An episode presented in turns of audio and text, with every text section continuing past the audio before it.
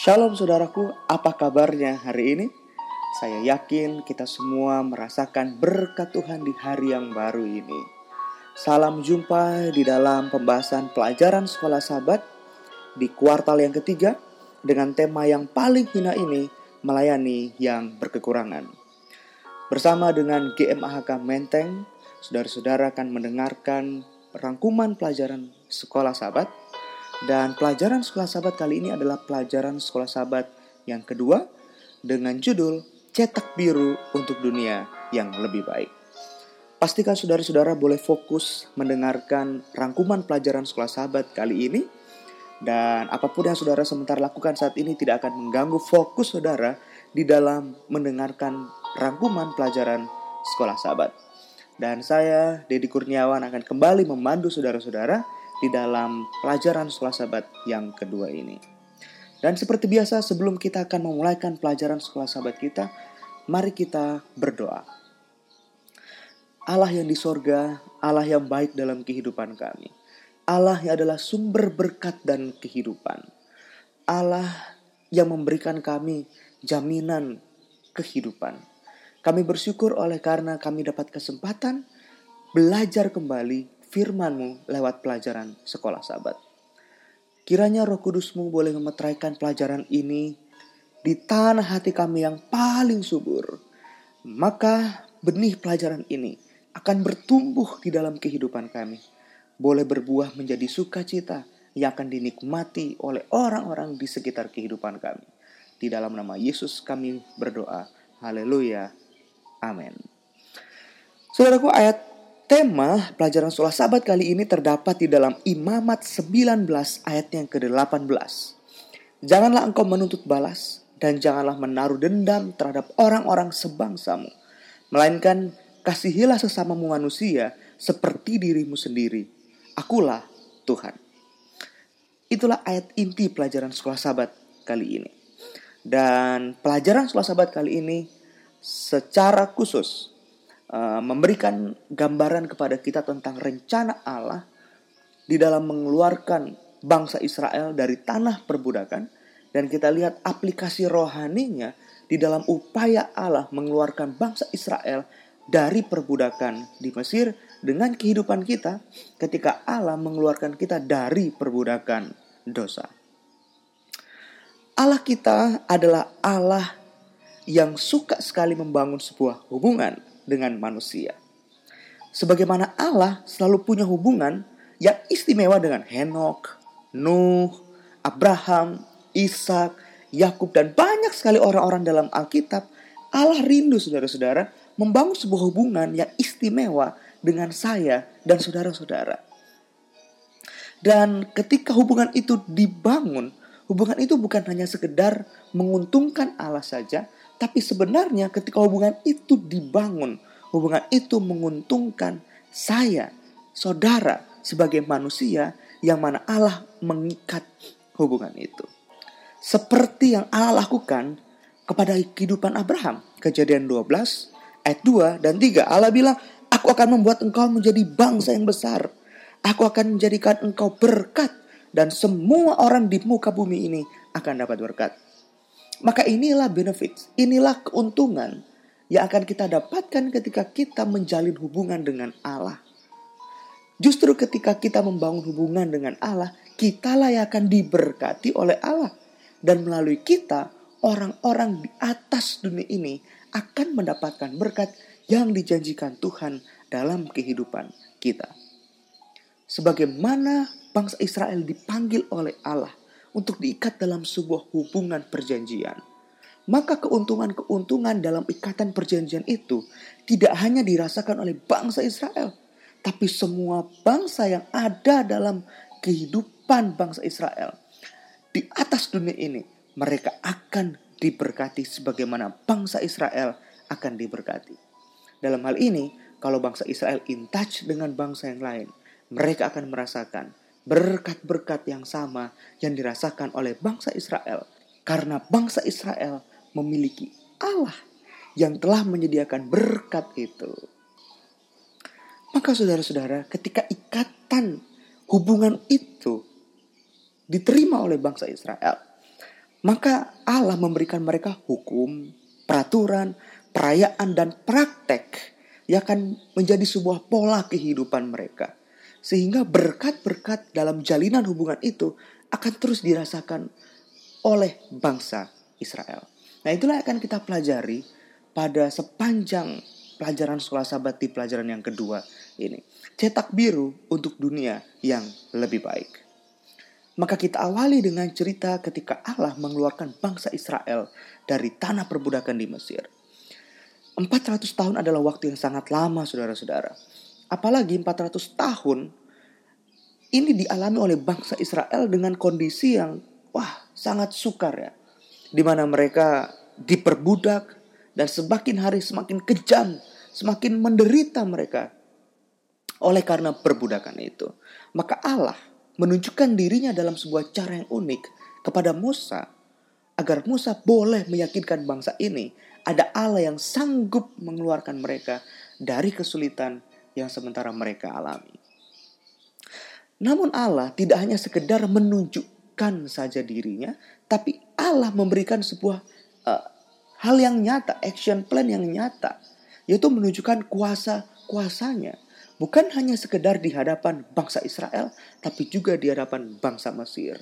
Sehingga bangsa Mesir boleh melihat di balik bangsa Israel ada Allah yang hebat, bahkan Allah yang melebihi Allah-Allah di Mesir. Maka ketika Allah mengatakan kepada Musa sebagai perwakilan bangsa ini, Allah tidak hanya sekedar mengatakan bahwa aku akan mengeluarkan engkau dari Mesir, tapi Allah memberikan sebuah rencana yang indah bahwa Allah akan menyediakan mereka sebuah tempat, tempat yang lebih baik dari tempat di mana mereka ada sekarang ini, yaitu di Mesir dengan status sebagai budak. Dari tempat ini mereka akan jadi orang yang merdeka. Dan ajaibnya adalah, indahnya adalah dalam keluaran 3 ayat 21, Allah mengatakan bahwa ketika aku mengeluarkan engkau dari Mesir, engkau akan keluar bukan dengan sia-sia, bukan dengan tangan kosong. Tapi aku akan membuat orang Mesir bermurah hati kepada bangsamu. Sehingga kalau kamu pergi, kamu tidak akan pergi dengan tangan hampa. Oh saudara, itu artinya Allah akan menggerakkan bangsa Mesir untuk mencurahkan segala berkat-berkatnya kepada bangsa Israel. Di sinilah menariknya ketika Allah mengeluarkan mereka dari bangsa Mesir. Allah akan membentuk sebuah masyarakat yang baru, saudara-saudara. Dan Allah menginginkan agar masyarakat yang baru ini akan terus berkembang, berkelanjutan terus kehidupannya. Dan Allah berharap bahwa masyarakat yang baru ini nantinya akan jadi model bagi bangsa-bangsa di sekitar masyarakat ini. Seperti Abraham. Hidupnya menjadi model bagi orang-orang yang ada di sekitar kehidupannya. Sehingga nanti dari bangsa ini, semua bangsa-bangsa di sekitar mereka akan mendapatkan berkat. Lalu ketika mereka setelah dipanggil keluar dari Mesir ini, Allah memberikan mereka 10 hukum. Kita pasti semua ingat 10 hukum itu bukan? Dan untuk mengawali pembahasan tentang 10 hukum itu, kita perlu menjawab satu pertanyaan terlebih dahulu, yaitu apa itu dosa? Dan untuk mengerti pertanyaan ini, 1 Yohanes 3 ayat 4 adalah jawaban dari pertanyaan itu. 1 Yohanes 3 ayat 4, setiap orang yang berbuat dosa melanggar juga hukum Allah, sebab dosa ialah pelanggaran hukum Allah. Ayat ini populer bukan saudara-saudara? Dan dalam upaya untuk menjawab apa itu dosa, ternyata dosa adalah pelanggaran terhadap hukum Allah. Lalu kemudian mari kita hubungkan uh, hal ini dengan pengajaran Yesus ketika Yesus coba untuk memberikan pelajaran tentang apa sih hukum itu. Matius 22 ayat 37. Ketika Yesus memberikan sebuah pelajaran tentang hukum dan orang-orang yang mendengar saat itu menganggap, "Hah, ini ajaran baru deh kayaknya deh." Dan saya bisa membayangkan bagaimana respons orang-orang yang waktu itu mendengar penjelasan Yesus hubungan dengan pelajaran hukum ini. Terutama orang Farisi, ahli-ahli Taurat. Saya pikir mereka akan bingung. Karena kata Yesus begini, Kasihilah Tuhan Allahmu dengan segenap hatimu, dan dengan segenap jiwamu, dan dengan segenap akal budimu, itulah hukum yang terutama dan yang pertama. Mereka mikir-mikir? Hukum yang pertama kan jangan ada Allah lain di hadapanku. Kenapa dibilang kasihilah Tuhan Allahmu? Lalu Yesus sebutkan lagi, dan hukum yang kedua yang sama dengan itu ialah kasihilah sesamamu manusia seperti dirimu sendiri. Pada kedua hukum inilah tergantung seluruh hukum Taurat dan kitab para nabi. Orang-orang mulai bingung, gimana mungkin ini terjadi? Bagaimana bagaimana bisa? Apa emangnya hubungan antara mengasihi Allah dan sesama dengan hukum Tuhan? Mari kita pergi ke keluaran pasal yang ke-20. Dan kalau kita pergi ke keluaran pasal 20, kalau kita membaca keseluruhan hukum ini, maka sebetulnya Yesus sementara merangkumkan keseluruhan hukum dengan dua formula yang dijelaskan dalam Matius 22 ayat 37 sampai 40 tadi. Bahwa hukum yang pertama sampai hukum keempat adalah hukum yang mengatur hubungan kita dengan Tuhan. Sementara enam hukum yang lainnya mengatur hubungan kita dengan sesama manusia. Hukum menjadi sangat penting, bukan saudara-saudara dalam sebuah negara, karena hukum itu dianggap sebagai konstitusi negara, di mana aturan-aturan pemerintahan akan dijalankan, di mana kewajiban pemerintah dijalankan, dan hak serta kebebasan warga negara bukan hanya sudah dijamin, tapi ditinggikan.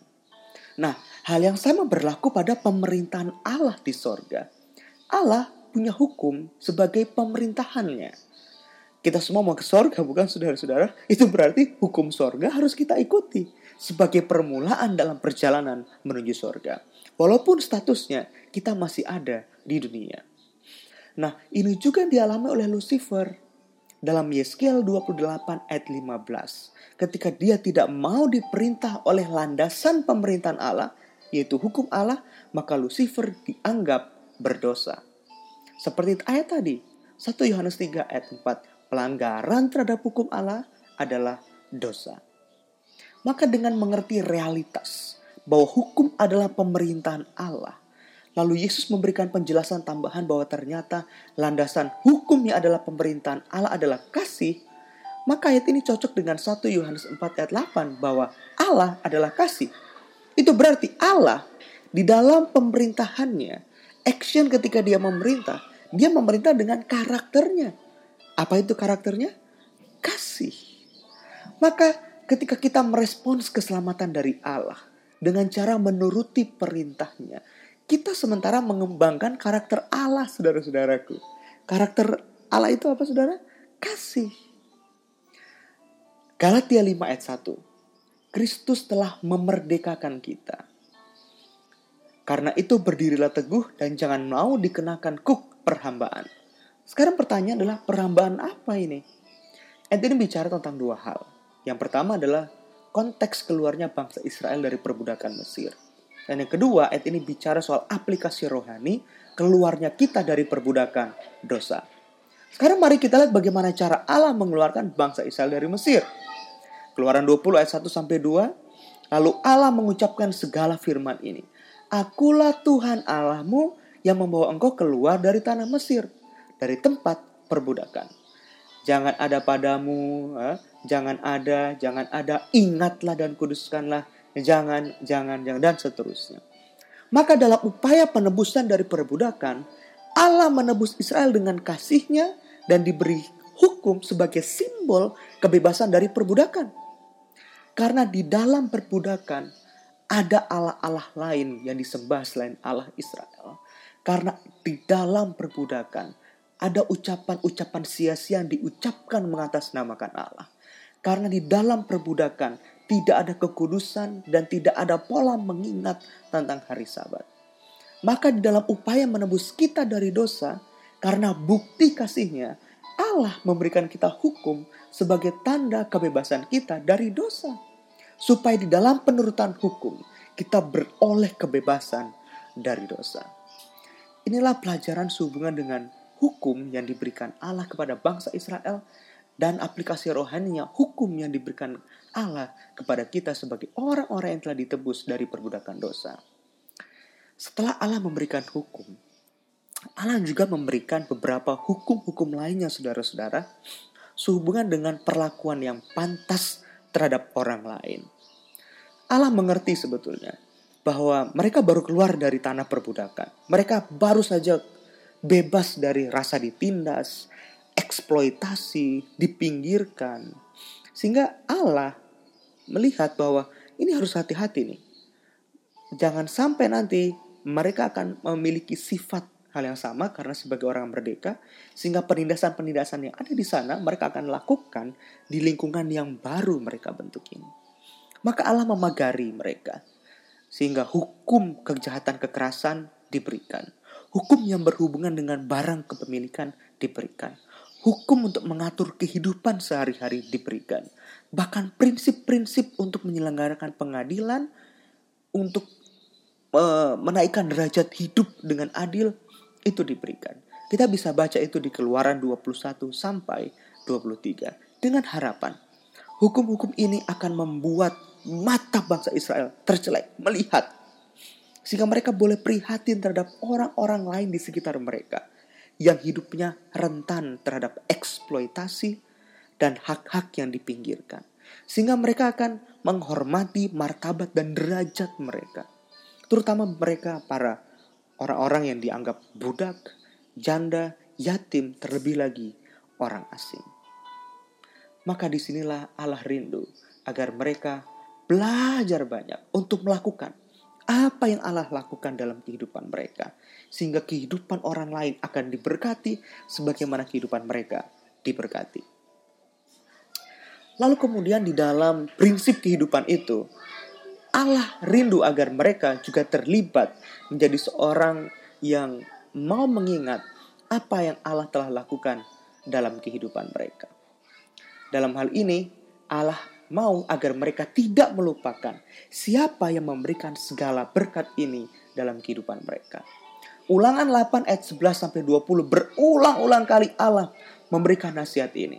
Hei, hati-hati jangan lupakan Tuhan Allahmu berpegang terus pada perintahnya. Kalau engkau makan dan kenyang, mendirikan rumah dengan baik, oke? Okay? Kalau sapi-sapi, kambing dombamu banyak, emasmu bertambah banyak, jangan engkau tinggi hati sehingga engkau melupakan Tuhan Allah yang telah membawa engkau keluar dari Mesir. Kalau engkau nanti nah, menambah kekuatanmu sehingga engkau merasakan bahwa engkau lebih kaya, engkau lebih kuat sebelum-sebelumnya. Jangan sampai kamu katakan ini kekuasaanku, ini kekuatan tanganku sehingga aku dapat semua ini. Kamu ingat, siapa yang kasih kamu kekuatan? Sehingga kamu beroleh kekayaan. Gitu. Siapa yang kasih kamu kesehatan sehingga kamu boleh hidup sampai sekarang ini. Dan ingat, alasan kamu boleh hidup sampai sekarang ini karena aku meneguhkan perjanjian dengan sumpah yang dulu telah diucapkan kepada nenek moyangmu. Maka Allah rindu agar bangsa Israel mengingat kembali apa yang Allah lakukan dalam kehidupan mereka. Dan salah satu hal, upaya agar bangsa Israel terus ingat kepada Allah mereka adalah dengan cara memberikan persepuluhan. Saudara-saudaraku banyak yang berpikir bahwa dengan memberikan sepersepuluh itu sudah cukup menunjukkan bukti bahwa oke, okay, ini sudah semuanya. Bukti penyelidikan menunjukkan bahwa ternyata memberikan 10% dari apa yang kita terima daripada Allah kepada Allah itu adalah sebuah permulaan. Jadi ternyata orang Israel kuno ketika mereka hidup mereka bukan hanya sekedar memberikan sepersepuluh tapi mereka bahkan memberikan seperempat bahkan sepertiga dari pendapatan tahunan mereka kepada Allah untuk mendukung para imam, bait suci dan menolong orang miskin. Ini yang disebut dengan persepuluhan kedua. Oke, kalau bahasa kita ini persembahan uh, persepuluhan terpadu ini saudara-saudara. Jadi dalam tahun-tahun biasanya panen itu dibawa ke kemah suci dan dibagikan di sana. Tapi pada tahun yang ketiga akan ada perhatian khusus di mana berkat-berkat yang mereka berikan dan kumpulkan ke bait suci itu hanya diteruntukkan untuk orang Lewi, orang asing, anak yatim, dan para janda. Sehingga mereka boleh mendapatkan makan di tempat mereka, sehingga mereka boleh menjadi kenyang. Ulangan 26 ayatnya yang ke-12. Namun seiring dengan berjalannya waktu saudara-saudara, Allah melihat bahwa pengelolaan sumber daya, waktu-waktu kemakmuran, oke? Okay? Kepemilikan tanah ini cenderung ada di tangan segelintir orang saja. Sehingga kesulitan, kesehatan yang buruk, pilihan-pilihan yang tidak buruk, bahkan ketidakberuntungan itu ada dialami oleh orang-orang yang lainnya. Sehingga akibatnya adalah orang yang tidak beruntung ini yang kurang mampu untuk mengelola kehidupan mereka, mereka akan menjual tanah mereka. Dan ketika mereka jual tanah mereka, mereka dapat keuntungan Walaupun dalam jangka waktu yang pendek, mereka bisa mempertahankan kehidupan mereka. Tapi itu ancaman boleh saja berlaku bahwa habis keuntungan, maka habis juga generasi mereka yang akan datang. Maka Allah memberikan solusi terhadap kehidupan ini. Sehingga kalau ada orang yang menjual tanahnya, maka tanah itu dijual, dimiliki oleh orang yang membeli hanya sampai di tahun Yobel. Mengapa demikian? supaya pada tahun Yobel berikutnya si pemilik tanah yang menjual tadi boleh menebus tanahnya lagi. Oke? Okay? Atau keluarga si penjual tanah tadi boleh menebus tanah itu. Sehingga tanah itu boleh dimiliki lagi oleh mereka sehingga kelangsungan hidup boleh terus berlangsung. Imamat pasal yang ke-25. Allah katakan tanah jangan dijual mutlak karena akulah pemilik tanah itu. Kamu orang asing dan pendatang bagiku. Jadi peraturan-peraturan ini dibuat, ditetapkan oleh Allah agar ada kesamarataan dalam kehidupan sosial sehingga orang lain pun boleh merasakan pengalaman kehidupan orang yang ada di sekitarnya. Hukum ini diberikan oleh Allah untuk menekankan kepedulian bagi mereka sehingga orang-orang yang miskin, orang-orang yang terpinggirkan dan kurang dipedulikan boleh merasakan berkat-berkat Allah lewat orang-orang yang beruntung kehidupannya. Sekalipun saudara Allah berjanji akan memberkati umat-umatnya, namun Allah tidak sama sekali mengatakan bahwa kemiskinan akan ditiadakan. Justru yang menyatakan bahwa orang-orang miskin selalu ada di negeri. Dan di antara umat-umatnya selalu ada orang yang membutuhkan rasa simpati, kelemah lembutan, kedermawanan. Sebagaimana pada zaman itu, seperti juga zaman sekarang ini ada orang yang menjadi korban kemalangan karena sakit, kehilangan harta. Namun kalau mereka ikut petunjuk-petunjuk yang diberikan Allah, tidak akan ada peminta-peminta di antara mereka. Atau ada orang yang kekurangan makanan. Peraturan ini dimaksudkan untuk menjadi berkat kepada orang kaya, sebagaimana halnya kepada orang miskin. Semuanya ini akan membatasi kejahatan yang cenderung orang dapat meninggikan diri, menumpuk roh kedermawanan yang agung, dan meningkatkan jasa baik serta kepercayaan di antara segala golongan. Semuanya itu akan memperbaiki kehidupan sosial serta keutuhan dalam pemerintahan. Kita semua boleh terjalin bersama-sama dalam satu lingkungan keluarga umat Allah yang besar. Dan apa yang bisa kita buat boleh menjadi keuntungan serta meninggikan kehidupan orang lain. Maka itu saudara-saudara akan terpantul kembali sebagai berkat ke atas diri kita. Allah mendengarkan jeritan orang Israel seperti Allah juga mendengar jeritan kita.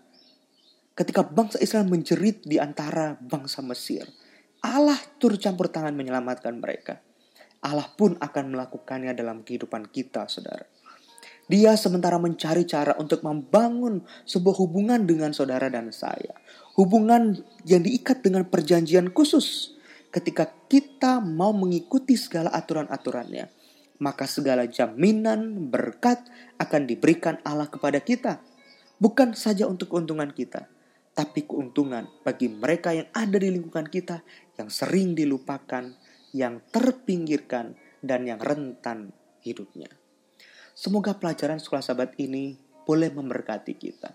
Memberikan kita pengertian, lebih membuat kita rendah hati untuk mengerti posisi kita sebagai umat Allah yang diikat perjanjian dengannya. Bahwa Allah rindu agar kita melakukan hal yang luar biasa dalam kehidupan kita, yaitu menjadi berkat dalam kehidupan orang lain. Sampai bertemu kembali di pembahasan pelajaran sekolah sahabat di pelajaran yang selanjutnya, pelajaran yang ketiga, pastikan saudara-saudara membahas kembali pelajaran ini di rumah bersama-sama dengan istri, suami, dan anak-anak saudara dan pastikan saudara boleh mengikuti pelajaran sekolah sahabat, diskusinya di gereja dengan penuh antusias. Dan kalau saudara-saudara belum mendapatkan sekolah sahabat, hubungi departemen sekolah sahabat di mana gereja saudara ada. Dan pastikan saudara-saudara akan diberikan pelajaran sekolah sahabat untuk menambah gairah kerohanian saudara-saudara. Tuhan Yesus memberkati. Maranatha.